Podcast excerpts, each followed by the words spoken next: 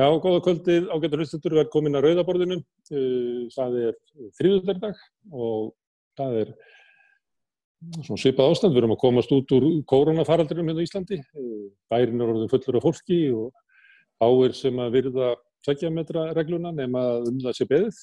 Uh, voru í lofti En það er kreppa framöndan, fólk er að missa vinnuna sína ennþá, uh, óljóst hvernar ferðarmenn koma, komið svona planum það, að reyna að lokka ferðarmennið inn með því að mæla þá, taka síni af þeim í, í leifstöð, allt óvíst um hvernig það muni virka, allt óvíst hvort að Æslandi er verið á lífi eftir viku. Uh, og svona margt sem er í gangi. Til þess að ræða bara svona ímislegt sem að, að tengist fréttum dagsins og það sem einhvern tíman hefur verið kallað svona vettvangur dagsins, hef ég fengið til mín Eh, Mikael Torfarsson, hann er byrjum bladamæður og rítvöndur.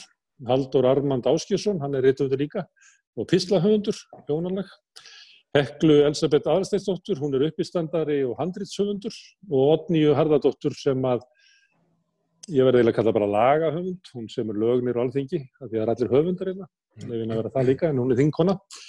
Eh, þegar ég var að lappa hinga á leiðinni til þess að hitt ykkur að þá stoppuðu tveir mig á leiðinni og vildu tala við mig um, um samherja og það verið hérna uh, búið að greiða innanlandsflutan af samherja þann sem að kótin er gemdur inn í búið að hérna, greiða hann út sem fyrirframgreitan arð til barna þeirra samherja frenda og meðan svona fólk hafa bara svona alls konar skoðanir á þessu, þetta tengist mörgu, þetta tengist svona hvernig auður færist á milli í kynnslóða. Eh, það hefur til dæmis Thomas Piketty sem er mikill sérfræðingur í, í hérna, eh, uppsöfnun auðs og hefur bent á það að það óbreyttu að þá muni einn eignast röfum allan auði í heiminum. Það verður um að finna eitthvað sístem til þess að vinna á móti kapitalismannum sem að látlust flytur fjö frá þeim sem ekkert eiga eða lítið eiga til þeirra sem eiga mikið og vilja eignast lengra.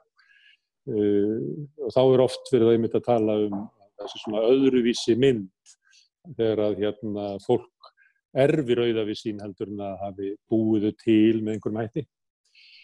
Uh, Mikael, hérna, ég held að þetta séu svona um 13 pluss prósent af hérna kvotanum sem er inn í innanlandstild Samerja.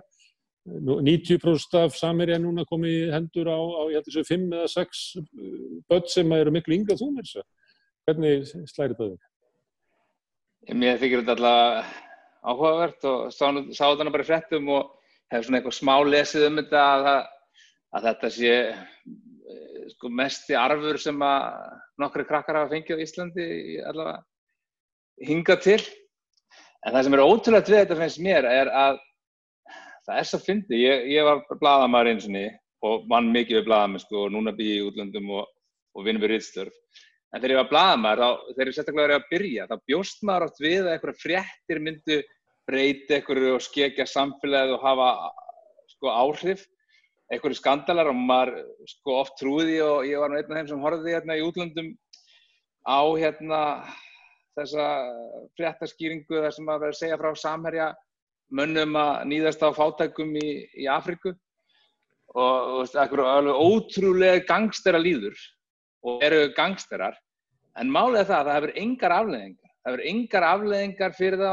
Það tók engin neitt til endurskoðunar.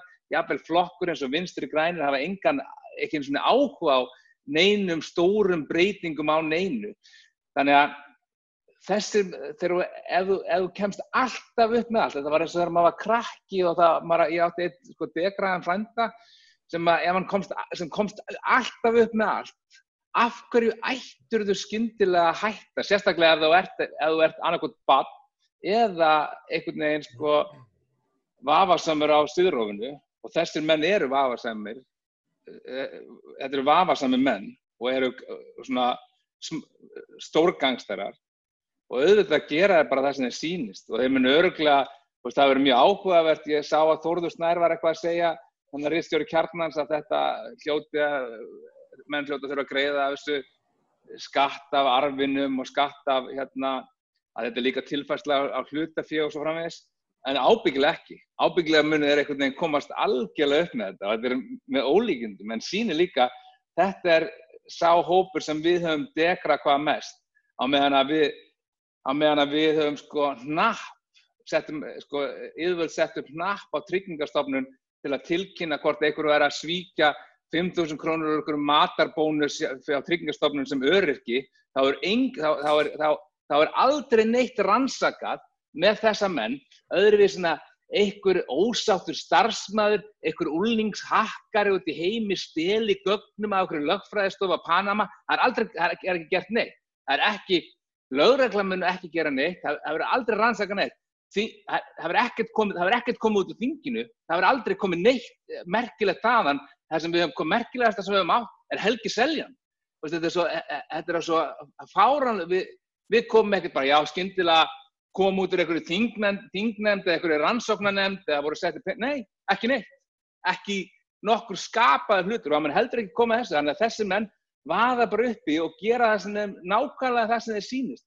Þeir sko, og eru oft sko á ríki spennan, því að hvergi meira er sko ríki við sko stið, íslenska ríkið stiður enga jafn mikið og auðmenn við eigðum miklu meiri fjármannum í þá, fjármannum í þá heldur en nokkur tíman í öryrkja og nokkur tíman í kennara. Þetta er stærsti, stærsti hópurinn sem við ákveðum bara að leggja heilt samfélag undir að styðja og auka auðvera. Og eina sem við getum gert er auðvitað að vera með sterk ríki og skattleggja og alveg, en líka ég hef aldrei skilið akkur, akkur það er ekki fundnir, akkur það er ekki fundni peningandir. Ég skil ekki akkur að það er ekki náð í peningana úr skattaskjölum og akkur þessi menn er ekki undir stanslösu eftirliti. Ég hef aldrei skilið það.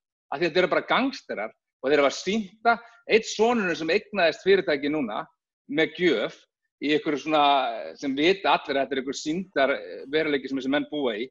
En hann sko var að hérna, rífa kjátt alveg eins og gangster, alveg eins og bara í gútfællarsmyndunum við hérna, má segðalabankastjóra á okkur um gangi. Þannig fólk gerir þetta og það er fólki sem við hefum trist fyrir eiginlega, hvað, þú, þú segir, hvað, 13% af kótanum eða eitthvað slist, það er fólki sem við hefum trist fyrir í rauninni, sko, fjörekkinu og auð þjóðarinnar, því að þaðan fengur þetta.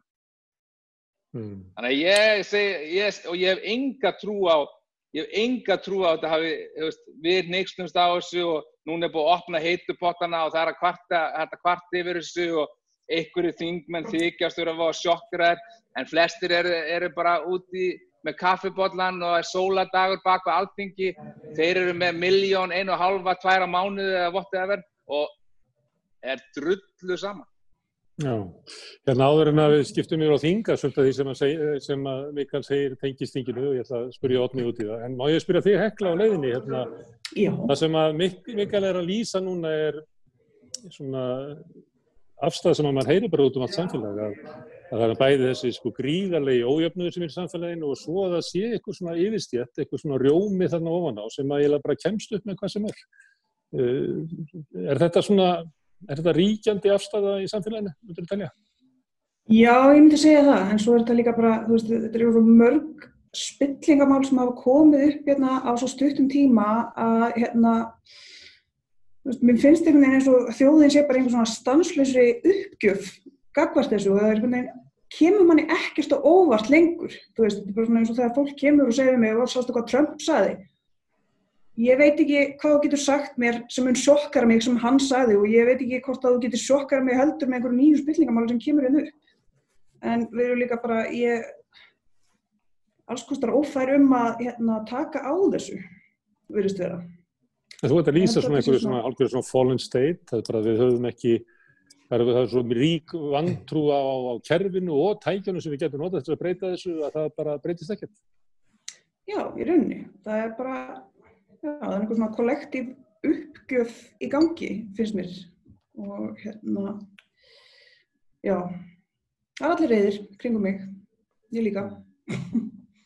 Átni, og þetta er ekki að tilhefnislausu, Mikael segir eitthvað, það verður ekkert gert og það auðvitað er það eitthvað frá kveikþættinu og þá ringdi sjáurðisráð þeirra í Kristján Þóri Júliusson og, og spurði hvernig hún liði, það var svona aðgerð stjórnvalda.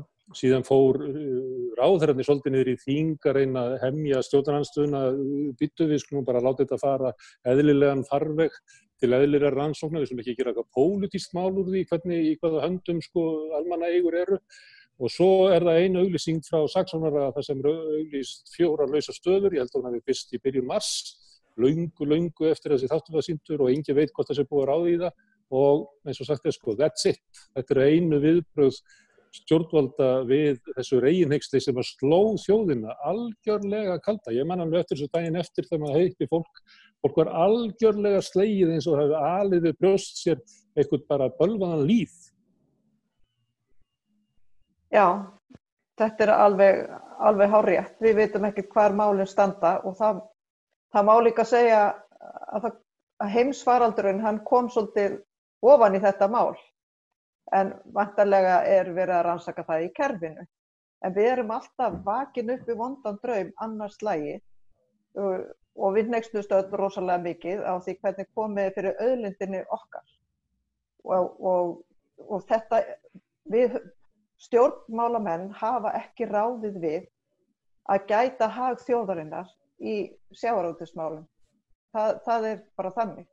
Og á meðan að við erum að rýfast, að þá verður samþjöppun í greininni ótrúlega mikil og auðsöfnun og, og lágar greiðslur sem við fáum í ríkisjóðun af þessari dýrmætu auðlinn.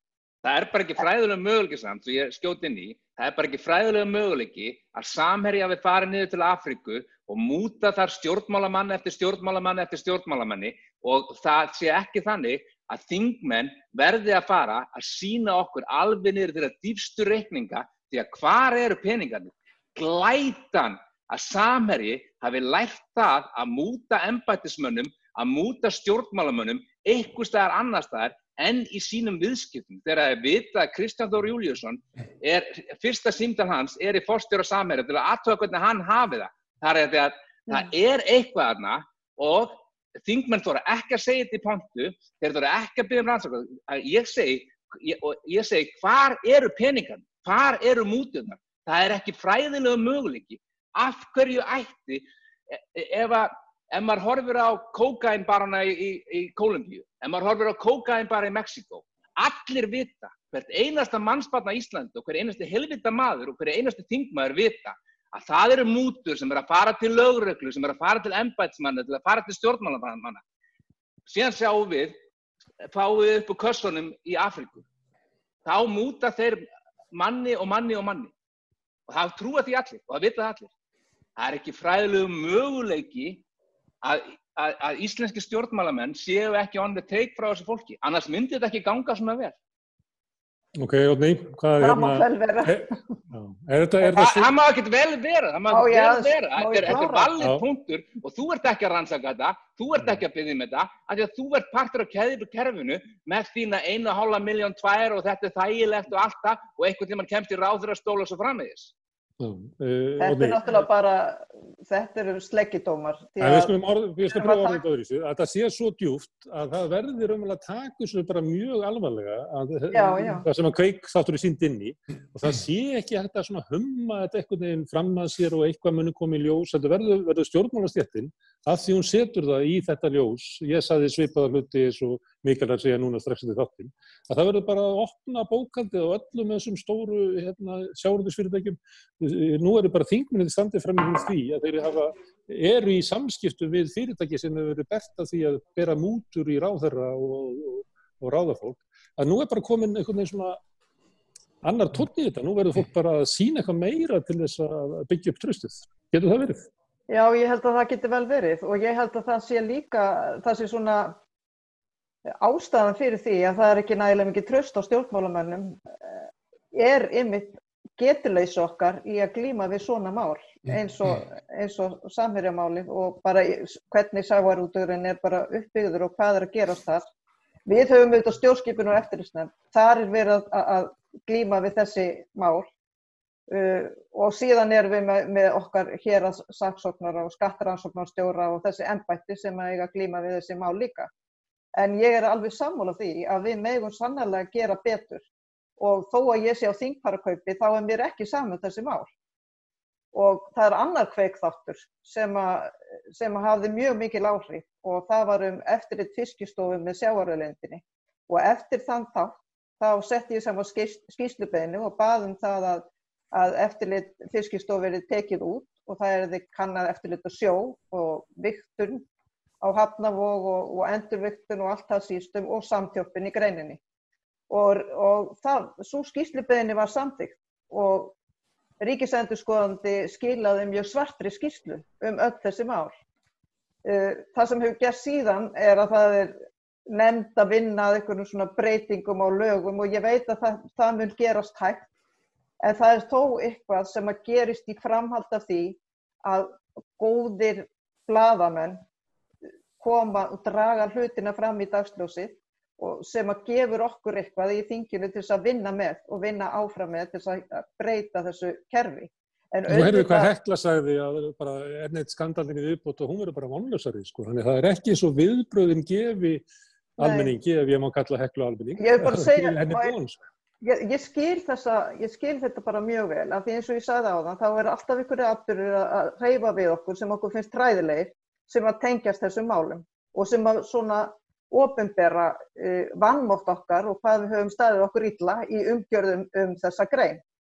Til dæmis í dag, þá í miðjum heimsfarandi, þar sem aðlunleysi hefur aldrei verið jafn mikið og ríkisjóður uh, nánast að tæmast, þá var samþygt á alþingi að taka stippilgjöld af stórum skipum uh, til að auðvelda stórum útgerðum að flagga uh, skipum inn og út úr landinu. Og þetta, er, þetta er pínulítið, þetta er kannski ekki stórt aðriðið, þetta sýnir samt hvernig við hugsum þegar kemur að þessari grein. Hún er fremst líka þegar við erum í, í djúbri kreppu, þá, þá gleymist ekki að, að leta þeim álugunum. Hérna, Haldur, hérna, Þetta er í hug hérna, Cornel West í bandaríkjónum sem er hérna, fræðimaður, afrikanskur amerikani, gaggrindi mjög Obama og hann gerði það einhvern veginn með þessum hætti. Hann sagði fyrir kostninga þá snýri Obama sér á okkur og hérna, gaf, vildi selja okkur von. Það var hellinga kjósutur sem kusu von og það var líklega enginn verið kosin með, með eins mikil von, eins mikil von færð honum. Um leið og kostningarna voru búnar þá snýri Obama sér að sínu raunverulega kjördæmi sem að Wall Street og þjónaði því. Og þegar ég var að hlusta á hann segja þetta svona þá velti maður fyrir sér að, að mörguleiti er Íslands stjórnmál svona. Þau stjórnmálam fólk snýr sér að okkur fyrir kostningar, ræðir eins og við séum í samilu að taka ákvörðunum um hvernig samfélagið eigi að vera, svo leið og er búið að kjósa og stundur bara á kostninganótt. Þá ser maður þetta í samtali stjórnmálafóringin á kostninganótt að það er komið bara allt annað leikur í gang nú á bara að fara að stjórna landinu í, í samstarfi við svo kallar hagsmunnaðan. Já, um, ég, algjörlega, ég man eftir því þegar Obama var kostinn, ég man að ég satt upp í sofa um nótt og horfið á þetta og held að heimurinn væri breytur. Uh, ég ætla að segja frá því, ég var í Vestur Afríku og það er greitt fólk Það grét fólk, af, það fannst að þetta er svo stórkostlegur heimsviðburður að það grét fólkið allt í kringum. Já, svo fóð bara þessi fáaði og glæslegi maður að einbindst að því að drepa fólk með drónum og þjónust á Wall Street. Uh, já, ég held að það saman gildi alveg um uh, Íslands stjórnmál því miður. Mér finnst bara hræðilegt að vera á þessari skoðun því miður en, en hérna Íslands stjórnmál og na, hér er nú mikið tala þess að dana um falska fréttir og fake news og Íslands stjórnmál eru fake news. Íslands kostningalofórð eru ekkert nema fake news og því miður þá bara tekið undir allt sem, sem Mikael sagði. Eh, hvað var það þetta framsala á eh, þannig arf, kvóta arf, þá held ég að þetta, þetta er það sem Íslands samfélag snýst um. Það snýst um að þjónust að þennan auð og sjá til þess að hann farið til uh, rétts fólks og auðvitað að farið þaðan til erfingi þeirra og þannig erfist vald og þannig það er það sem Íslands samfélag fyrir mér og ég, bara, ég vildi að ég væri ekki á þessari skoðun en bara það snýst um þetta við halda um, við halda þeim uh, valdarhlutullum sem eru einna hérna. og fyrir mitt leiti þá þá ber þetta alltaf að sama brunni og það er bara þetta þetta vantraust til stjórnmála á Íslandi sem hefur verið hérna cirka bát, einna hverjum fimm treystir alþingi frá 2008. Þetta hefur aðeins flögt en ég meina hvað þýðir það nákvæmlega, er þetta að segja, en það getur þýtt að fjórir af hverjum fimm vantreysti löggefanum, vantreysti þeim sem setur reglunar í samfélaginu og það þýðir auðvitað bara að samfélagsstúkurinn er rofin og uh, líðræðið er, er rótið, það er leikrit því miður, það er mér bara hræðilegt að segja þetta en hvaða sannanir eru til staður um að svo sé ekki? Og svo við förum aftur þaðan yfir í samherja því ég held að það hljóti að tengjast í tengjast þessu gríðarlega vantrausti. Það sé til dæmis sko þessi hegðun samherja í Afríku. Það er rosalega auðvelt að, að dæma þetta og fyrirlýta þetta en, en ég minna hvað var þetta fólk að gera annað en spila eftir þeim leikreglum sem bara gjössanlega ráða þessum leik sem heitir alþjóðlu kapitalismi það er grundvallar krafan til fyrirtækja að þau séu siðlaus. Um það snýst leikurinn. Þannig að ef þú ert ekki siðlaus þá náttúrulega myndir bara tapa. Þannig að ef þú fær þess að borga ráð þeirra auðvitað gerur það ef þú ert í þessum leik og vilt spila eftir þessum reglum þannig að um, þannig sé ég þetta þannig að sko af hverju af hverju vita þetta all, allir? Af hverju gengur núna um bæin og allir segja já, ég meina svona er þetta. Auðvitað breytist ekki neitt.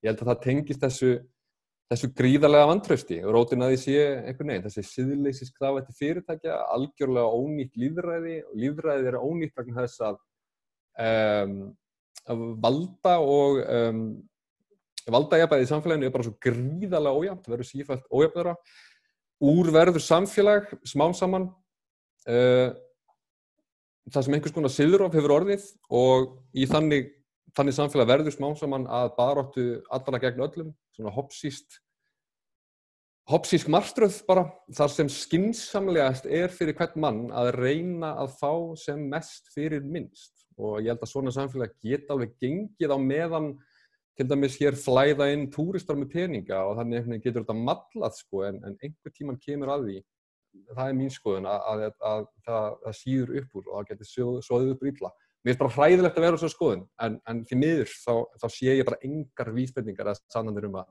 þetta sé einhvern veginn verið vísi. Ætla, hérna, uh, Otni er inn í kerfi að reyna að breyta því innanfrá og ég trúi því einlæglega að hún sé að reyna að breyta kerfum innanfrá. Og ég hef talað hérna við rauðaborði við fólk sem er í háskólanum og er að reyna að breyta hann innanfrá, við verkefliðsreyningunar er að breyta það innanfrá og það kemur oft fram að því hvaða er erfitt og stundum veldi bara fólks í, fyrir sig hvort það sé yfir höfuð hægt. Uh, Haldur talaði um að það var eitt fymti sem að treysti aldrei uh, fyrir nokkru vikum áður en að COVID kom að þá ringdi ég svona randomli í fólk, svona hundra manns og rætti við það um pólitík því að mér fannst ég vera einágrast og vildi bara, bara heyra í fólki þannig sem ég myndi ekki velja við hvernig ég talaði eða, eða, eða, eða fólk veldi að tala við mig.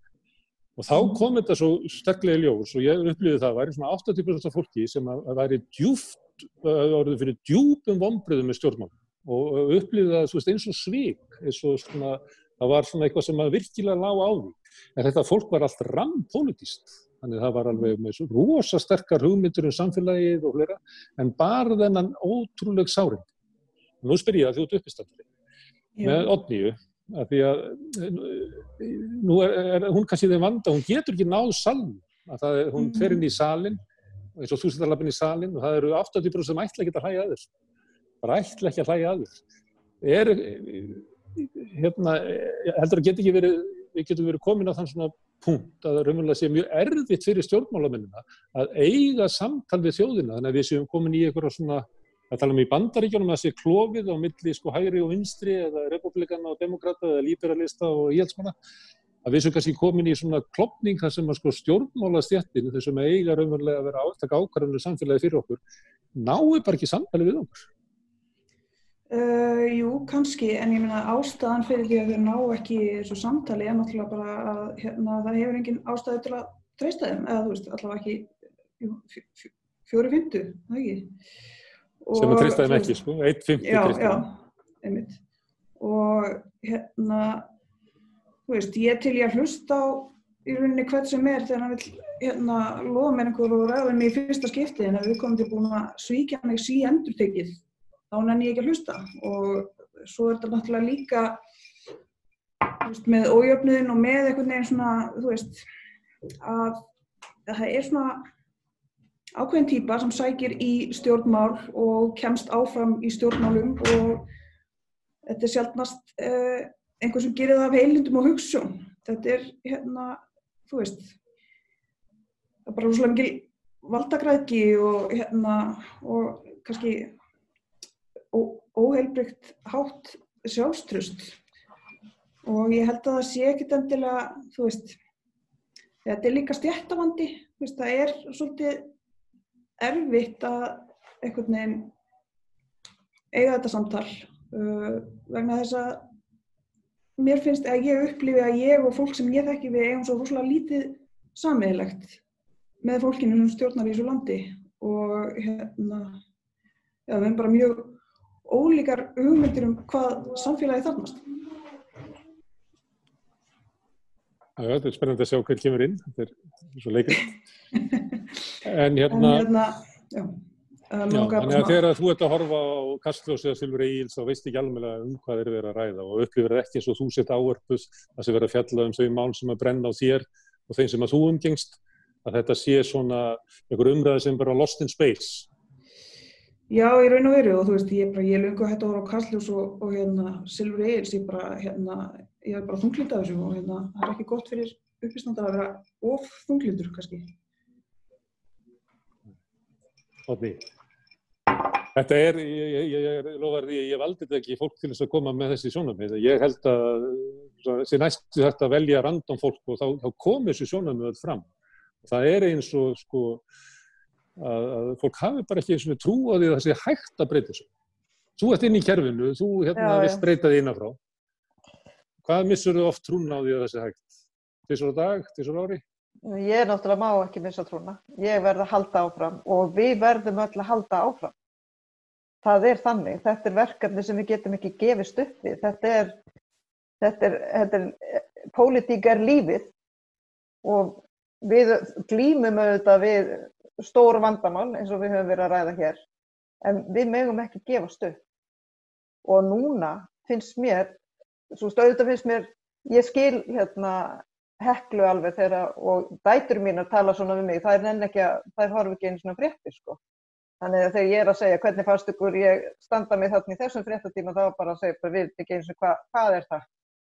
Og hérna þannig að auðvitað verður við stjórnmálum er þá að finna aðra leiði til að reyna að, að að ná til unga fólksins sem er framtíðin.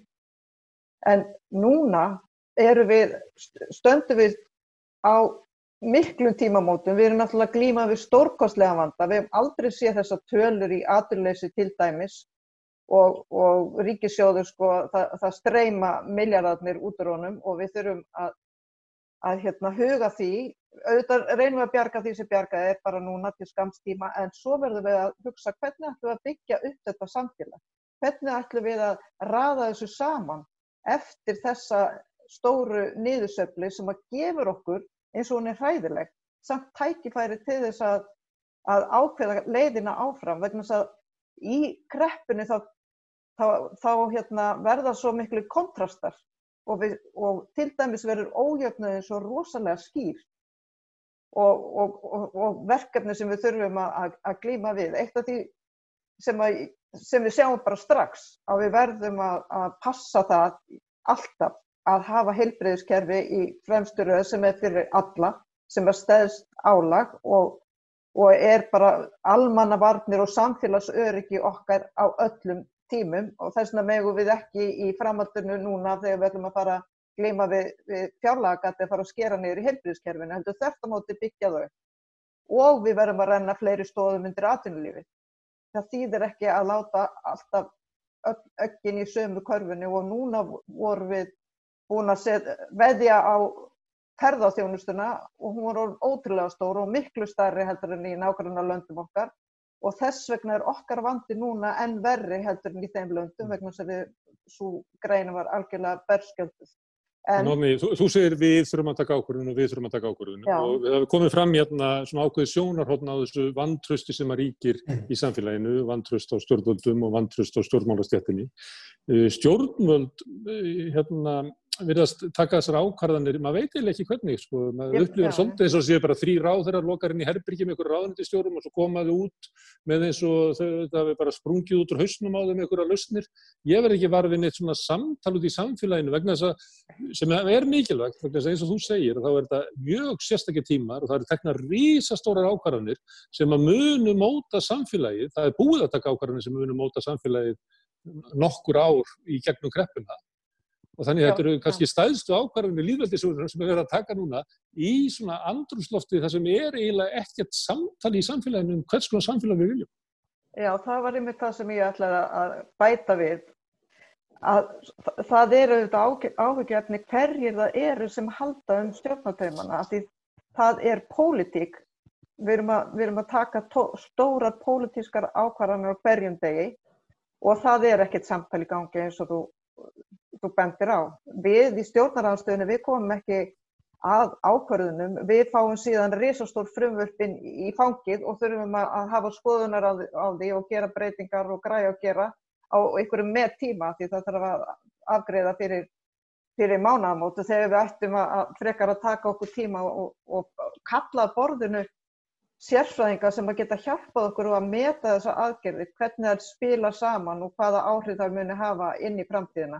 Og ég hef auðvitað stórkostlegar áhyggjur af því að flokkurinn sem að ræður ferðinni er sjálfstæðisflokkurinn, er flokkurinn sem að sem að hérna, hleður Ég- undir sérhagsmunina. Og ég hef stórkostlegar áhyggjur af því. Auðvitað vil ég vera þarna, jafnaðamaðurinn við borðið en ég, ég kjósundur hérna ákváðu annað í síðustu kostningum en, en auðvitað vildi ég fá að vera þarna og að við tækjum tillit til loftlags vandamála, veist við færum í þá, þær aðgerðir þegar við erum að velja okkur aðgerðir sem að hjálpa okkur þar sem að, sem að glíma við fjórðu innbyltinguna og passuð upp á að hún íbyggjandi meiru ójöfnuð í, í samfélaginu. Við erum að horfa fram á, sko við vitum að aldraður og öryrkjar eru sumir hér undir fátækramörkum og það er stórkostitt vandamál. Nú eru þúsundir manna að bætast við sem að þurfa að lifa aðrunusbætum bótum sem eru undir fátækramörkum. Hmm. Þannig að, að það eru stór verkefni sem við þurfum að glíma við og ég hef ágjör af því að sá flokkur sem ræður för er hægri flokkurinn sjálfstæðarflokkur. Mm. Ég held að þú ætla ekki að nefna nafni, þetta var eins og í Harry Potter, svona flokkurinn, það ætti ekki að segja Vo- Vo- Voldemort eða hvað það var. Er þið Mikael Torfason, það sem að, hérna, varðandi þetta hvernig ákvæðan teknar, þá veldi maður fyrir sér svo sko að við séum bara almennt að tapa trúnni á líðræði. Að sömuleyti er, er almenningur að tapa trúnni á fulltrúa líðræðinu og bara þína líðræðislegu vettvangur virki fyrir okkur og svo virkar svolítið eins og sko ríkistjónin sé líka búin að missa trú á líðræðinu að það muni bæta ákvarðinir að hafa samráð við verkalýstjettina eða, eða almenning eða stjórnaranstöðuna, kalla fleiri ólík sjónamið eins og maður gæti haldið að væri eðlileg svona ákvarðin að, að hafa sem flest sjónamið á borðinu til að geta tekið sér besta ákvarðin og þert á móti þá verðist vera eins og að sé vera að draga saman og ákvarðin sér tekin á enn þrengri vettvangi og eiginlega í svona hálfgerðum böngar. Eru þið það er stundum rætt um það að við á Vesturlundum séum eiginlega búin að tapa trúnna á líðræðin. Ég held að stjórnmálmenn séu eitthvað leiti í svona búblu og séu svolítið fastir þar og maður heyri það líka bara á að munurinn á þeim er ekki neitt. Otni gæti alveg verið eins góð og hún er í ríkistöld með sjálfstæðarsflokkum og það myndi ekki breyta neina fyrir okkur. Og alveg eins og Katrin Jakobsdóttir gerir það, það myndi ekki hafa neina áhrif. Ég fór hérna það því- líka. með, já, þú veist, samfélgingin hefur gert það og hérna, en ég fór hérna að því ég heyrði Haldur Armand nefna kapitalisma og hvernig við hérna erum einhvern veginn að einhvern veginn að drukna í honum og það hendar honum mjög vel og íslenskum kapitalismum að, að hérna, ákvarðanir séu teknar bara hann og ég fer ekki ofan að því að maður er svona vill sko láta follow the money að það getur ekki fræðilegu möguleiki að að Samerja hafi fundið upp aðgerðnar að múta stjórnmálamönnum og ráþörum í Afríku en ekki á Íslandi. En ég fór inn á hérna, heimasíðu samfélgingarinnar, og það stendur ekkert um kapitalisma, ekkert um alþjóðakapitalisma, ekkert um kapitalisma í Íslandi, ekkert um eina og þá eh, fór ég á leit á síðunni þannig og eina sem ég fann um kapitalisma var að jafnaði maður vikunar 21. mæ 2017, Jónas Már Torfarsson. Hann er, situr í stjórn ungra jafnaðamanna og eina sem hann hefur um kapitalism að segja er að hann trúi því, hann, akkur eftir jafnaðamaður, en hann spurður. Ég trúi því staðfarslega, segir hann, að hlutverk stjórnmálamanns sé ekki að halda einhverjum kreddifullum prinsipum, til dæmis að kapitalismi sé arðrán eða skattar þjófnaður. Veist, kapitalismi er arðrán og sérstaklega eins og hann er stundar á Íslandi og samfélkingin er einn af þeim flokkum sem neytar að horfast í augu við það. Neytar að horfast í augu við að við erum ekkert, við hóðum þessu umröðu hérna á samerjafréttum. Við erum í þessum drullu potli að því að samfélking, að myndi ekki breyta okkur neinu, þótt samfélkingi væri ríkistöld með sjálfstæðisflokknum, þótt að framsákuflokkur og sjálfstæðisflokkur væri saman, að, og þetta er ennþá meiri búbla heldur en það var. Þegar það var sko mannúlegri mynd á sjálfstæðisflokknum sem var, hérna, þegar það var ennþá einhvern veginn svona, Ísland var kyrt áfram að mikill þjóðirniskend og það var einhvern veginn að fá sjálfstæðisflokkin við borðið og semja um verkamannabústaði og laga ófremdar ástæða húsnæðismarkaði sem að var þá hérna, upp á 1960 sem að endaði með byggingu breyðþótt og svo framvegist. Það var hægt og það var meðan annars vegna þess að þá voru jafnaðamenn ennþá gegn arðráni, þeir voru ennþá að gera raunmurlegar kröfur, bæðu alþingi, ekki eitthvað bla bla bla um eitthvað skýslu, um eitthvað stopnun og þetta var svört skýsla, hún var svört ég, ég var að fara úr líkamannum að hlusta á alltaf þessa vittlesu vegna þess að hvað kemur okkur við svörð skýrsla um eitthvað stopnun eða við erum, alveg, við erum líka þakklátt fyrir að Helgi Seljan sé ennþá á launum og hann sé að vinna hjá Rúf. Það verður náttúrulega ekki lengi en við, erum, við, við, við viljum stjórnmálaflokka og líka samfélkingu sem verður eins og flokkarnir sem að þau sækja fortíð sína til. Það er krafa og það er krafan um samtal við verkefliðsreifinguna. Verkefliðsreifingin hérna, er búin að, sko, Solveig og Drífa hérna hjá ASI er búin að koma með einu raunhæfu kröfunar, einu raunhæfu kröfunar og ganga ekki nógu langt að mínumati en, en að því að við verðum að gera miklu betur en það er bara einhver grundvella miskilningur á því hvernig samfélag eins og bara erum með hérna þingmann samfélagingarinnar hvernig samfélag samfélkingi vill. Allavega e, e, e, eftir, eftir því sem þú hefur sagt í kvöld.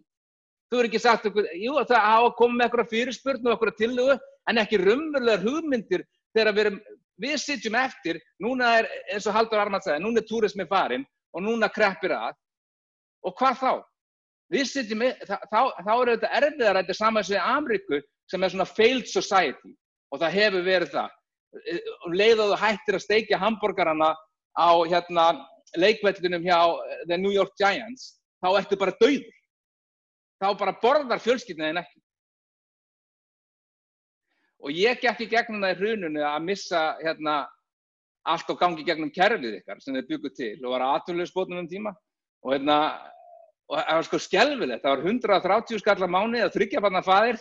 Það var ekki fræðilegu möguleiki að maður gæti lifað af ekki mm. fræðilegu möguleik en, en ef ég hef búið mig fram til þings hef ég verið góðum á og geta farið í stjórnverð sjálfstæðarflokknum eins og ég gera þetta og án þess að nefna nokkuð tíman eitthvað stefnumál sem getur einhvern veginn breytt einhverju því að svör skýrsla um ríkisendurskoðun eða þessa stofnun we don't give a shit sem að tali góða íslensku Mm. En ég verði að spyrja um líðræði, Mikael, þú vilt hérna, skamma samfélkinguna fyrir að vera ekki eins og þú. Ég er byltingu, ég vil ekkert, ég er byltingu. Otni þarf að vera inn í samfélkingunni og semja við félaga sínum ykkur á stefnu og svo fer hún með stefnun og semja við aðra flokka.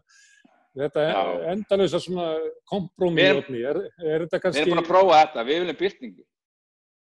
Já, er, það er alltaf, alltaf að vera líðræði, við erum alltaf að koma ykkur saman um það hvaða stefnu við höfum að fara. Það er erfitt ótni að vera inn í stjórnmálaflokkum með svona þykka mikla sögu eins og samfélgingin er á erfiðum tímum þar sem að líklega ég býst við að skerpist línunar inn í flokknum og að, að fólk sé einhvern veginn verða að ná einhverju sátt við félaga sína, fylg að beila við félaga sína um stefnu og eitthvað fleira og svo ferðinir á þing og þú þarfst að halda því áfram.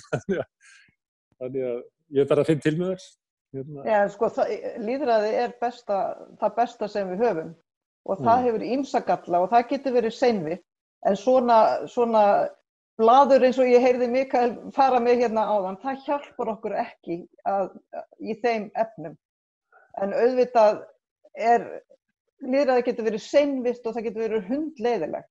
En það, það er nú samt það besta sem við búum við og allan daginn eru við í stjórnmálum að, að reyna að finna málamiðlanir innan flokka og milli flokka um stórmál og um lítilmál.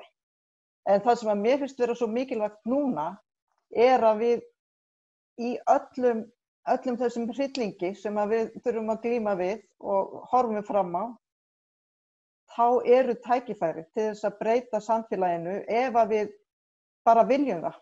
Og ef að við saminumst um það og förum ekki við sem að erum vinstra megin og erum jafnaðmenn í hjarta okkar að við reynum að láta hjarta ráða og reynum að tala saman en ekki garga á hvort annað.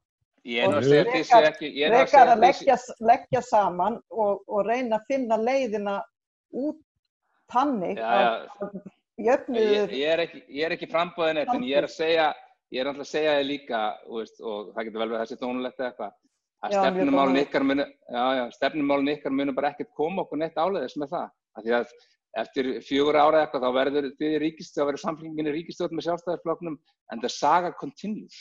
Já, já, Hekla, hérna... Þetta vitum við nú ekki, Mikael.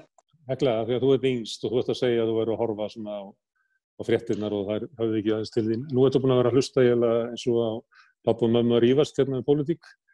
Já. Hvað, hvernig slæri þetta? þetta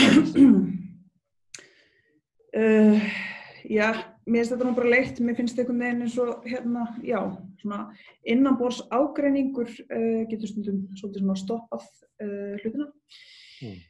en hérna ég veit bara ekki ég veit ekki hver á að gera það en mér finnst bara verkefni nr. 1, 2 og 3 einhvern veginn bara breyta þessu handónýta gildismati sem að hérna einhvern veginn samfélagi starfar eftir. Um það er algjörlega fáranlegt að allar allar fréttur um allar kjara baráttu, þetta er alltaf kvennastjættir, þetta er alltaf mikilvægastu störfin og, veist, og það er svona eins og í COVID-faraldunum að, hérna, að það verður einhvern veginn líklega aldrei skýrara hvað þetta fólk er mikilvægt sem að heldur upp í samfélaginu og samt finnst mér einhvern veginn svo ólíklegt að við sem að fara að læra eitthvað að því, þetta verður rosalega, meðvitið um það á meðan mest á reynir og svo mun þetta bara hverfa. Þessi meðvitund. En eitt sem að e, hefur nú oft komið til tala sérna við Rauðaborðið er að e, eitt af, eitt af leiðum eina af leiðum nýfrásíkunar til þess að ná svona dóminarandi völdum var að tala niður stjórnmálinn, tala niður ofibera þjónustu, tala niður það að einhvern gæti unni fyrir haga annara, að það væri alltaf að hugsa um sjálfa sig en ekki umbjóðundu sína, að verkefnisforkólfurinn væri að hugsa um raskat á sjálfum sér en ekki félagana sína og það var að tala niður umverulega öll þáttaka, stjórnmála þáttaka, öll virkni, hugmyndunum það að við verum saman í því að móta samfélagið og það er því gert í gegnum ákvarðanir á þingi eða í sveitarstjórn, fölnaði svolítið í burtu og hugmyndunum kom svona framtíðin kæmi til okkar svona frá markaðnum bara eiginlega myndu okkur sniðu í kallar finna eitthvað upp eða finna eitthvað lausnir og, og þannig við þyrturum ekkert á stjórnmálunum að halda. Afstæða þín og kannski fólksins hérna, sem að, að, að þú umgengst og þínu reakið við má segja svo litast hún ekki bæði af þessum sko sigri nýfrælsvíkunar að raunverulega draga niður stjórnmálaþáttöku almennings og svo hins vegar vonbreyðum fólks með stjórnmál nýfrálsíkina sem að, að, ávarpa fólk bara fyrir kostningar en snúa sér svo að hagsmunna aðalum eftir þér. Er þetta ekki, þarf kannski almenningur í líka að koma, hann getur ekki beðið eftir því að stjórnmálinn lægist eins og, og framlöðsluvara, heldur verður hann raunverulega að breyta það? Já, þú spyrir mjög langra spurninga. Hérna... Þetta er enginn af þessu þáttum, það er bara stóra spurningar. Já, ég meina nú er ég 30 ára gummul uh, hérna uh, frá því að ég byrjaði að fylgjast eitthvað að viti með stjórnmálum það er búið að vera hérna hrun það er búið að vera vindris það er búið að vera hérna hvað hétt þetta helvítismál hérna, klusturmálið og uppreist æru málið sem var Já. og þetta er bara, þú veist hvernig getur maður hugsa sér að vinna á svona starfsvettvangi, þú veist, ég stjórnmál á það taka almennis, alþingi lítur út fyrir að vera leiðinlegasti vinnustæður allra tíma og hérna, og þetta er bara allt erfitt og sjúkt og spilt og það er einhver breytt, þetta breytir einhver þannig að hérna þú veist, allir það sé ekki bara helsta ástæðan fyrir áhuga leysi minnar kynnslóðar á stjórnmálum. Þetta er bara allt svo fugt að við viljum ekki einu sinni snerta þetta með priki En þetta er líðræðisvettvangurinn sem að það náðist að byggja upp skára samfélag á 20. öld eftir að almenningu fekk kostingarétt og stjórnmálinn snýru tímabili að almenningi og það var byggt upp velferðarkerfi, almannatryggingar, verkefannabústæðir, almenn þilbriðiskerfi, almenn mentun, alls konar svona hlutir og þetta var gert í gegnum líðræðisvettvangi sem er eina valdi sem almenningur hefur á móti peningavaldi. Þannig ef almenningur missi trúna á líðræðisvaldinu, líðræðisvettvagnum, einu líðræðislega valdi, þá náttúrulega er alveg ljóst fyrir ræður, það er bara þeir sem hafa peningavaldið. Er þetta ekki svolítið staðan? Ef að þó að, þó að þú hérna, viljir ekki koma við þetta nema príki verður ekki einhvern veginn að finna bara aðeins lengra prík til þess að koma við þetta? Jú, þetta er náttúrulega staðan. Ég er ekki að segja að ég voni þetta að sé endastuðin en þú veist, það mun einhvern veginn taka svolítið langan tíma held ég að reysa þetta við og hérna en það sem að veldur mér áhyggjum er að einhvern veginn, eftir því sem ójöfnuðurinn stækkar og einhvern veginn bíla á milli almennings og þeirra sem stjórna stækkar þá er líka hérna það er einhvern veginn alltaf að fjölga fólki í valdastuðum sem á líka peninga og þú veist hérna tíu mann sem eiga ekkert nema hugsunir en enga peninga eiga bara ekki breyk í einhvern hérna kvotaprins þú veist. Þannig að ég held einhvern veginn að Veist, Þetta sé ekki lengur líðræðisvettangur fyrir alþjóðuna til þess að vega upp á móti peningaflinu, heldur er umverulega henni ríku búin að taka líðræðisvettangin undir sig. Það eru ríkukallinni komnir og stýran. Já, þetta bara er ekki einhvern veginn aðgengilegt og hérna og svo er þetta einhvern veginn Æ, ég reyna að segja svo mikið, ég er nú svo reið uh, hérna Já, það er bara þetta með gildismatið. Uh, veist, kapitalismin er einhvern veginn fann að stjórna öllu hérna. Mér líður eins og Ísland sé einhvern veginn svona veist, unglingur sem er í veseni, sem er alltaf að gera sömu mistökinn aftur og aftur, lærir ekki neitt, er alltaf að byggja meiri pening og einhvern veginn skýta yfir öll lofurinn sín og veist, ég veit ekki, þurfu ekki bara að byrja einhvern veginn að bara grafa undan þessu öllu fyrst áður en að að það er hægt að breyta einhverju. Haldur, þú voru að koma með vonina fyrir okkur.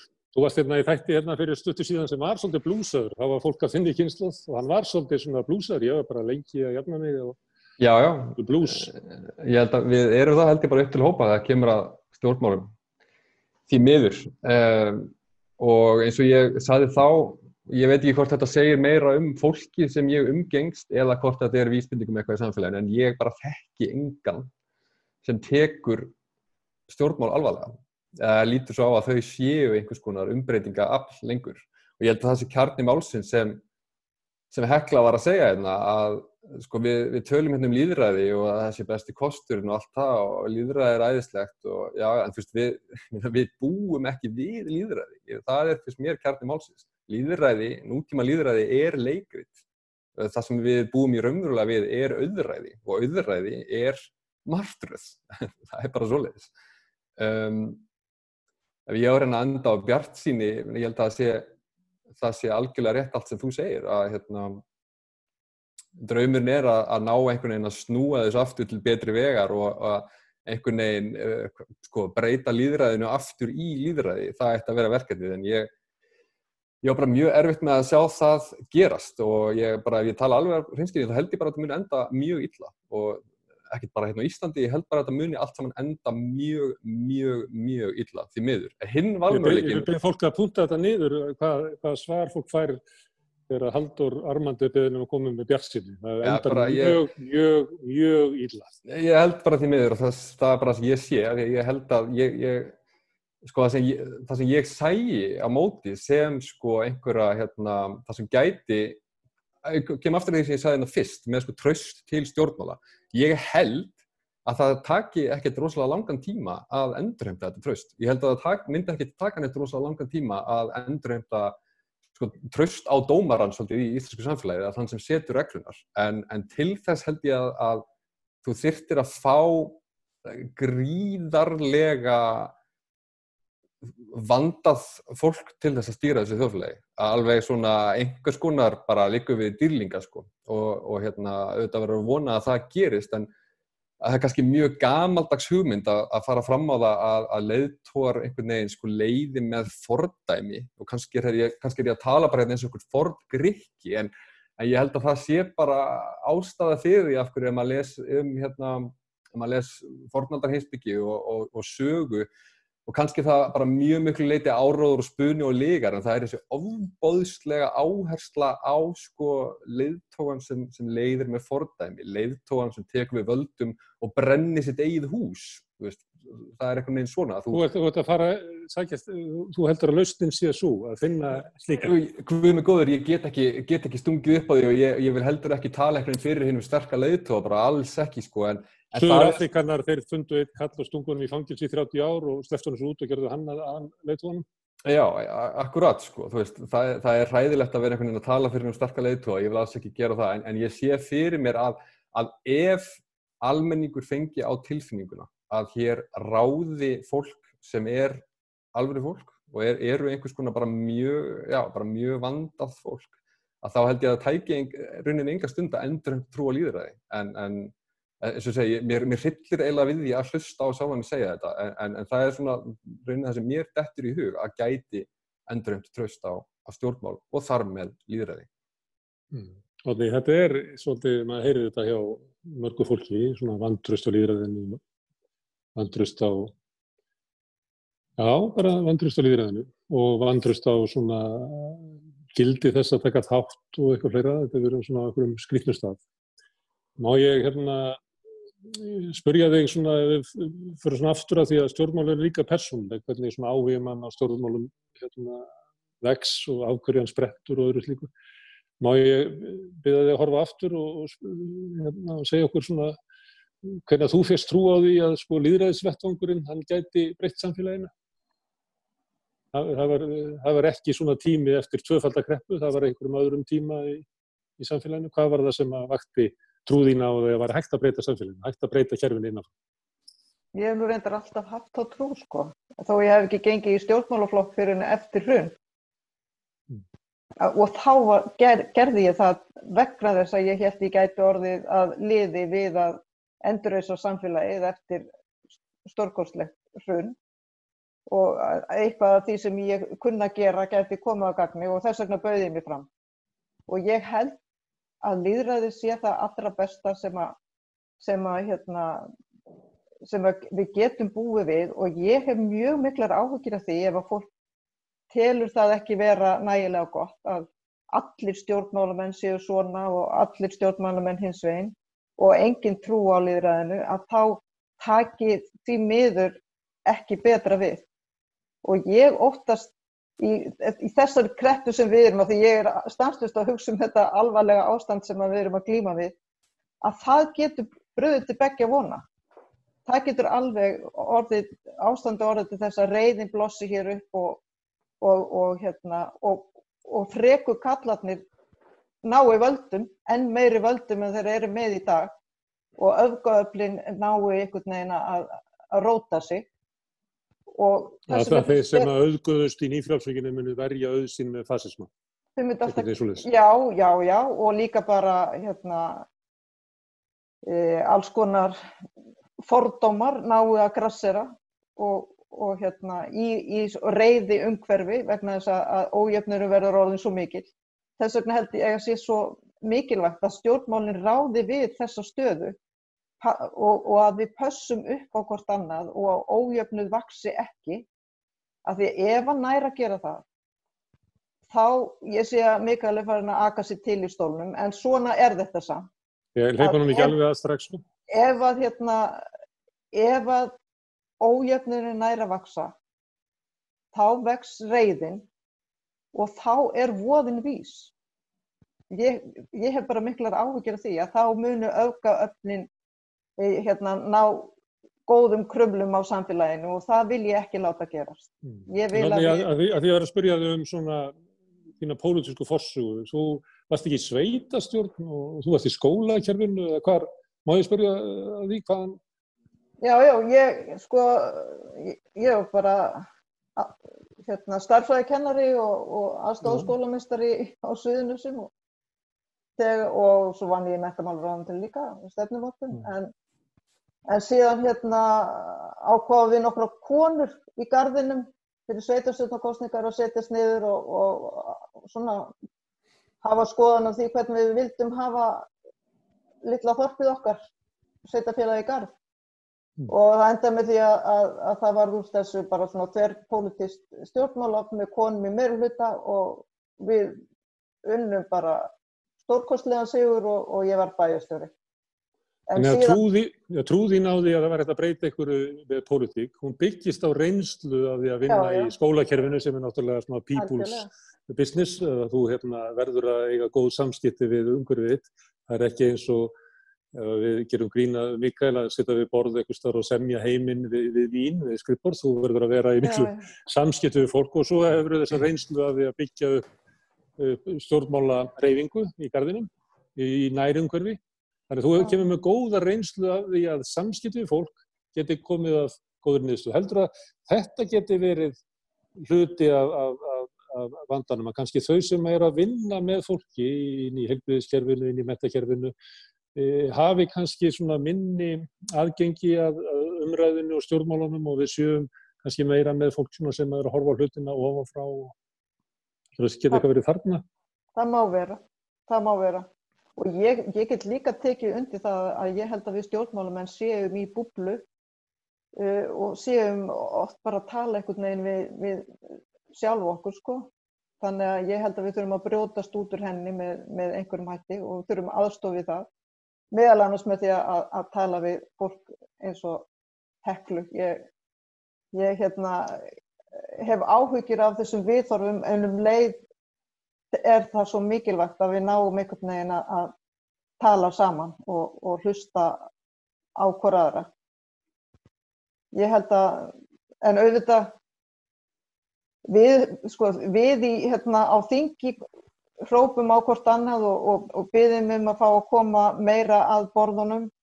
Ég veit að verkalýsfélögin, stjættafélögin hafa óskað eftir því líka Við höfum kvartað undan því að, að þegar að frumverfin koma frá ríkistjórninni þá verðast þau vera samin hjá samtökum matunulísins og engin aðri, engin aðri hafi fengið að koma að og, og formen stjórnaranstöðuflokkana fá okkur að klukkutíma kynningafundi áður en að bladamundurinn skellur á. Þannig að já, ég held að það væri til bóta að við myndum tala meira saman og, og við stærri hóp og reyna, reyna einhvern veginn að brjótast út úr búblun okkar. Mér finnst Þú líka, má bara ringja í mig hvena sem er. Já. Ég hef við síma núna Takk og saman munum við steipa þessum köllum á stóli. Já, gerum það. Bara á morgun, fyrramálið. Vistu, upptikinn klukkan nýju. það frist þetta að slíta þættinu núna, þetta er svo góð lokaord. En uh, hérna varandi líðræði, að, það er eitt sem að ég er gammal blaðamann og ég er að svona horfi á, ég læt mig hafa það að horfa á Silfrið og Kastlós og allt þetta. Og það sem að mér hefur verið að upplifa svona undan vikur er að þetta er ekki, þetta er ekki líðræðislegi fjölmiðlar því að mér finnst ekki eins og umræðan þarna sé eins og áhorfandin sé þáttakandi og það sé mikilvægt að hann skilji málinn og hann sé aðilega að því að taka ákvörðum. Mér finnst eins og það sé verið að mess eða bóða eitthvað til okkar, eitthvað sem er, ákvörðum sem er tekin að, að fjölmjölafólki taki það að sér að kynna almenningi það sem að valdið hefur tekið ákvörðum. Það er svo, þessum við vist vanta svona, og þess vegna er til þess að rauðaborð sem á að vera svona samtal fólks úr ólíkum áttum, þar sem að við erum svona í saminningur einn átt og gráði hvað er að henda okkur. Að ég, mér finnst slík umræða eiginlega horfin út úr fjölmjölum. Mér finnst þau meir og minna einstefnu hérna, tilkynningar frá valdinu eða, eða eh, þekktum hérna, álitskjöfum sem að raunverulega eru bara að bera út svona samfélagssáttmála nýfrælsökunar. Mikael, þú ert gammal blaðan líka. Hvernig ert þú að horfa á þess að þetta og hrettinnar? Ég hef eiginlega gefist upp á, á Silfri Egil's og þessu þáttum, sko. Ég hef ekki alveg netta leita eftir hérna í útlöðuninni og hef bara ekki gert það og ég, og líka því að það er oft verið að ræða eitthvað það er þannig að að hérna að sko skipið er farið úr höfn það er, það er ekki þannig að, að, að, hérna, að fögur orðum muni valda því að við munum einhvern veginn sko horfa á það að ójöfniður mingi og svo framvegis. Það er ekki að fara að gerast. Veist, við sjáum bara eins og við byrjum að ræða þessar samverjafrættir. Þeir hafa bara orðið ríkari og þeir munum bara verða ríkari og Otni nefndi það að það hefði verið búið að fella niður eitthvað stimpulgjöld á þá bara í síðustu viku, þannig sem það var. Og það til meðferðið í þinginu núna bara? Það til meðferðið þinginu. Já, ok, ok, það er verið að samtíkja núna. Það líka, það er eitthvað trumart það sem er umverulega ítt undir skilning LIU eða SFS, hvað heitir í dag, á hérna fyrsta ákvæði í laga um stjórnum fiskveiða um, um að, að, að, að það kemur fram í einhverju greinagerð um að svo eignaréttar hérna, út frá eignaréttar sjónamiði sé hort á þetta. Það sé hugsalega verða til eign af notkunarítur. Þannig að það er verðt í gangi. Það er frumvað sem var í samráðskáttinni og hefur ja. aldrei komið inn í þingi til okkar. Það, ja, það, er, það, það er mjög háskalegt. Mjög það háskalegt. er mjög háskalegt og það er eitthvað sem við verðum að skoða betur. Það viðþorf og það skuli standa í greinagerð uh, skrifað af, af sjávarúndisráðurannum er, er mjög hættulegt. Mikael, skipið fara úr höfn. Já, skipið fara, ég, ég á engin svör önnur en að við þurfum að breyta, við þurfum að byrja, þú veist, orður til hérna alls fyrst eða hvernig sem það er orðað, þú veist, einhvern veginn verður við held ég og ég veit að það eru margir hérna ósamála því, við verðum að breyta orðræðinni og bara hleypa hérna orðum sem ég ólst upp við meðan það voru hérna hérna, á nýjönda áratögnum meðan var ennþá verið að tala um auðvaldið og kapitalisma og, og svo framvegist. Það er bara, þetta, þetta virtist verið einhvern veginn virka opaslega vel á Íslandi hérna, á tíunda áratögnum að, að vera með aðeins svona aðra umræði. Ísland var, held ég, hérna, á tíunda áratögnum eitt jafnasta samfélagi heimi. Það var alveg óbúðslega mikið jafnrætti og ég man að ég kefti fyrstu íbúðuna mína 1995, var ungu fadir og ég reiknaði einhvern veginn fyrir nokkrum árum að þetta voru hérna, nokkur áslun verkamanna. Þetta var ekki erfitt. Kæfti íbúð óðinskötu, hún kostiði þrjár miljónir og þetta var þryggjaherbyggi íbúð og hérna, ég var oft með 150 skall útborgaðan í plastós sem verkamæður þar.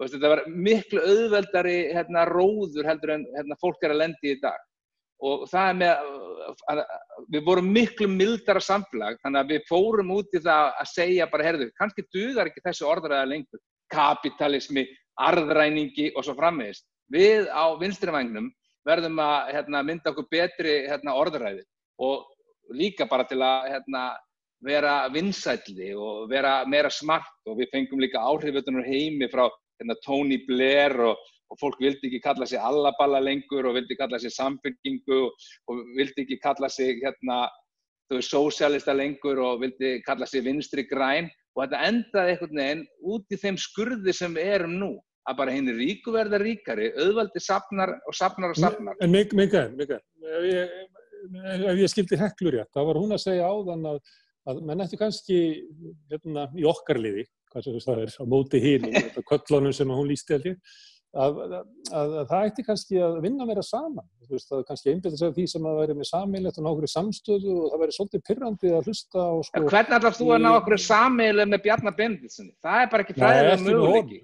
Ekki með honum, heldur já, hvað hefur kallað alþýðu fylkingin með öllum, öllum sem er að vinna hagsmunum almennings, að þeir verða að ná einhverjum svona samljómi ef þeir ætla ekki að láta bara ríkukallan af allt yfir. Vandamálið er að við erum að tala um vinstri grænar sem eru laungu hættir að vinna að hagsmunum almennings og eru bara í ríkistjórn með sjálfstæðisflokknum og það er staðrendin. Þau eru ríkistjórn með manni sem hefur verið þegar hann er uppnefndur, hann er uppnefndur Panama-prinsinn, þetta er sko maður sem að, hérna, fjölskyldan hans eignaðist sko borgun fyrir slikk og, og svo frammeðis og svo frammeðis og það er staðan. Þar áður voru allir hérna, í, fyrir hrun, hérna, gatt samfélkingin ekki byggðið eftir að komast í ríkistjórn með sjálfstæðisflokknum, þessu sama fólki. Erum, það er það sem við horfum á.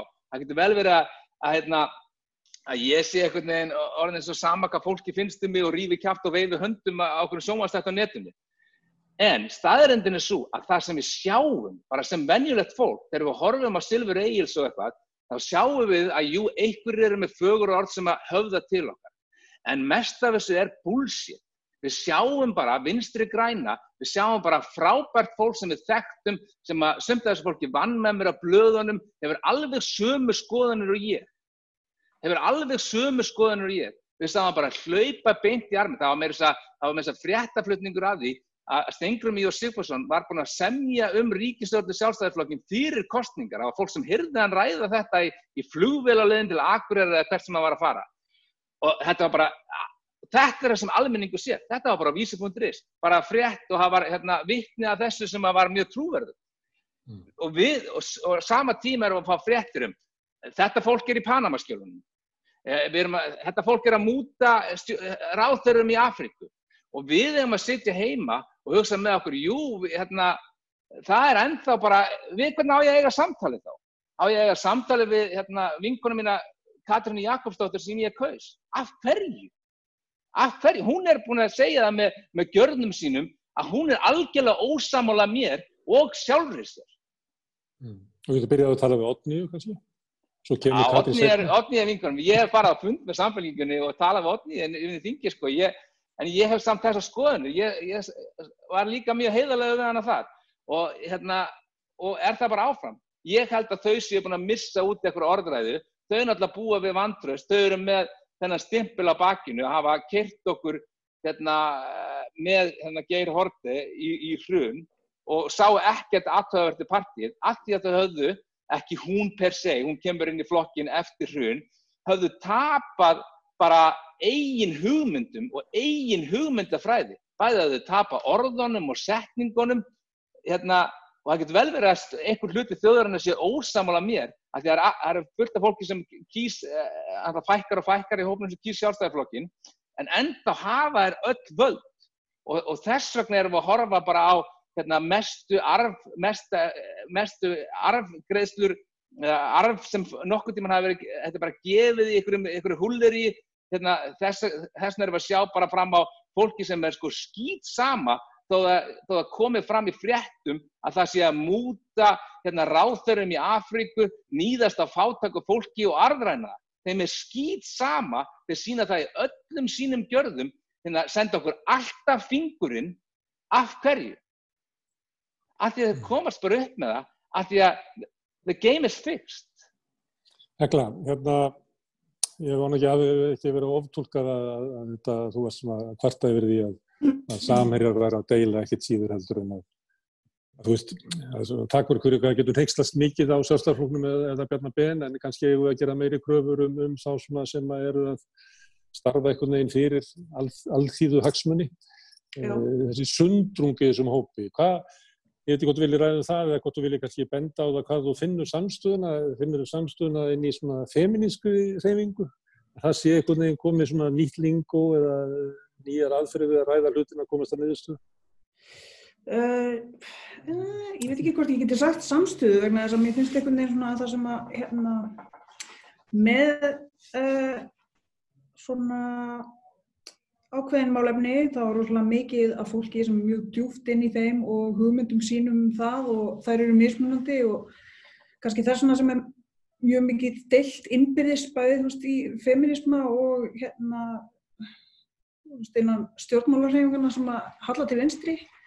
Á meðan það er kannski ríkari hefð fyrir því að fylgja í blindni eins og til dæmis hjá sjálfstæðarsfloknum og hægrinu þannig að en þá það orkan sem að fer kannski hjá okkur í að deila innbyrðis uh, fer þá frekar hjá þeim í að koma myrkaverkum í gegn Þannig að það er ákveð áhyggjafni. Ég er ekki með laust, ég er bara með vandamál.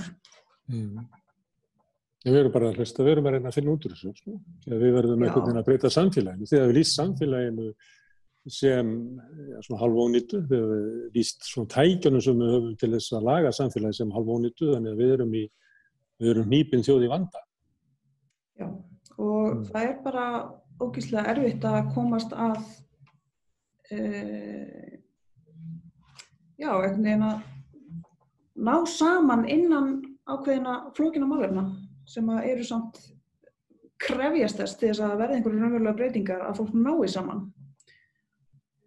Mm. Einginni, eitt einginni að nýfrálsku tímanum, svona nýfrálsku tími, það er þessi vantrú á stjórnmálunum, það er eitt hérna, sem hefur svona verið verið hamrað á og náðu svona einhverjum árangri og skilið okkur eftir kannski að, að við höfum ekki svona uh, treystum ekki uh, treystum ekki stjórnvöldum. Og svo gerði það líka það að svona kannski mannréttinda baróttan svona tvístraðist að, að þessi hugmyndum að það getur verið einhver stór hópur að berja fyrir heldina hann svolítið kvarf og, og fólk þú veist, ég nefndi kvennarhefinguna en síðan samtök hinsins fólks og samtök fallaða og allir að berjast fyrir svona sínum sínum hérna uh, málefnum og einhver leiti byggt á manngildis hugmynd nýfrálsökunar um að við varum besti því að hugsa um eigin hagsmunni.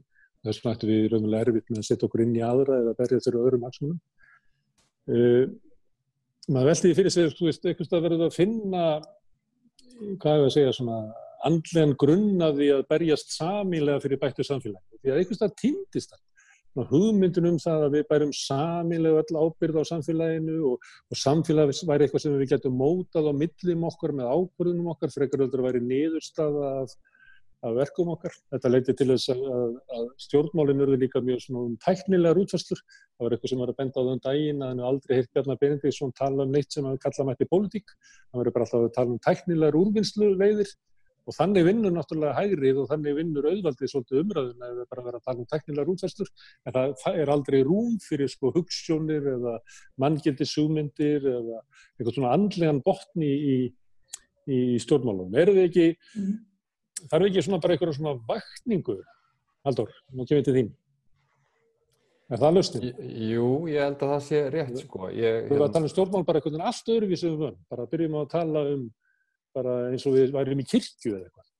Jú, það, bara það reyðast upp fyrir minna einn saga hérna rétt á hann, mér langaði bara að minnast á hana því við erum að tala um sko kvótaerfingjana og, og auðlindarnar og allt það. Þegar ég var í lagadild HÍ, þegar ég var á fyrsta árið þar, ég gleymi þessu aldrei, það bara svona segir heldur hvað þetta er allt sem mann viðtækt sko. Þegar ég var á fyrsta árið í lagadild, þá man ég eftir því að við vorum sko 250 nýnemar eða eitthvað svo leiðis og þá var tími þar sem einn af þekktustu lagaprófessorum landsins bókstallega nánast dansaði af gleði á sviðinu að segja okkur frá því að hugmyndin um náttúru auðlindir í þjóðareign væri bara svona slægileg fásinna sko. Og hérna þetta væri sem, er náttúrulega einhvern veginn lögtæknilega rétt sko, öll þjóðin getur ekki mætt fyrir hérastofn sko. og ég man eftir, og það var einhvern veginn þessu var haldið að manni og ég man eftir að vera þarna tvítugur sko, veist, að tala við einhverja vinimanns eða eitthvað og að apa þetta upp eftir sko, já, ég minna, hérna, færustu lögfræðingar í Íslandi segja þetta, bara auðlindir get ekki verið í þjóðareign og svo einhvern veginn liðið tímin og maður er komin út úr þessu kerfi og allt fyrir maður að hugsa byrju við hvað var eiginlega verið að segja við mig hérna í lagatild sko. Þess, hvað var raunverulega verið að segja? Það var bara svona einn saga sem við að revja upp en ég held að það sé hérna alveg rétt með vakninguna. Manni sýnist að það sé svona tvent það séu tvær leiðir til að breyta einhverju á Íslandi. Það er annars eða ef breytingarnar eru þvingaðar eða bara þegar fólk mætir á austuvöld sko. það bara virðist vera það eina sem er eini mögulengi til að hakka nokkrum sköpum hlut þannig að ég held að fyrir mitt leiti að það sé, það sé svona tíminn til þess að um, eiga sem mest af svona samtölum á svona vettvangi og bara reyna að að ebla meðvitundum öllu þessi mál og reyna að standa fyrir einhvers konar vakningu fyrir þessu hvort sem það enda síðan með með einhvers konar, uh, já, einhvers konar bilding á austuvelli eða hvað það er, en, en það er eina, eina leiðin sem ég sé ef þetta á ekki að fara eins og, eins og ég vona svo innilega að gera ekki þetta bara endur mjög illa sko. en það, það, verður, það verður að gerast sko. en, en ég sé það ekki ég sé það ekki ég sé ekki jarðveginn fyrir það í hefðbundnum fjölmjölum fyrstu vorum að tala einn áðan um hvernig, svona, hvernig fjölmjöl að tala til fólks og hvaða umræðefni þeir velja og öll þessi stóru mál sem þeir velja af einhverjum sögum að þeia um, hér er allir með tölu, allir þessi stóru allavega og já, maður veldur þessi fyrir sér. Herðu, við verðum að láta þetta vera bara loka orðin. Þetta er, þetta er hérna, þáttur hérna stóru spurningar um stóru mál og þess vegna er enginn að gera kröfur á okkur að við leysum þau. En við erum að þokast, við erum að þokast í áttirna því að, að, að hérna, finna einhvern veginn út hérna, hvað við getum gert til þess að, að úr þessari kreppu og áföllum sem við fáum í fangið komi e, gott samfélag, ekki enn verra því að það má ekki mikið vestna. Ég þakka ykkur kjærlega fyrir að, að koma hérna og spjalla við mig og leifa öðru fólki að, að hlusta á, á hugsanir ykkar. E, Mikael Torfarsson, reytufundur í Vín, Haldur Armand Áskilsson, líka reytufundur og pislahöfundur á Rás 1, Otni Harðardóttir, Þinkona, e, samfélgingarnar og Hekla Elisabeth Aðalstefnur aðalsteinsdóttir sem er handrýttsöfundur og uppistandari. Ég hef séð hann að skemmta sem uppistandari og hún er ógeðslega að finna. Herðu, en hérna, ég þakka hlustötu fyrir að, að, eða tíma í þetta og svo sjáumst við aftur hérna annað kvöld. Þá verður, verður fjölda áskorunar eiginlega endur þetta ekki þáttur. Það koma sömu gestinir og voru hérna síðallið miðgúndag hér af feministum af öllum stærðum og gerðum og öllum aldri og ætla að, að tala um, um kvennfræsisbaróttu og þær samfélagsbreytingar sem verðum að gangi í gegnum. Það, það verður fjör. Sjáumst á. Takk.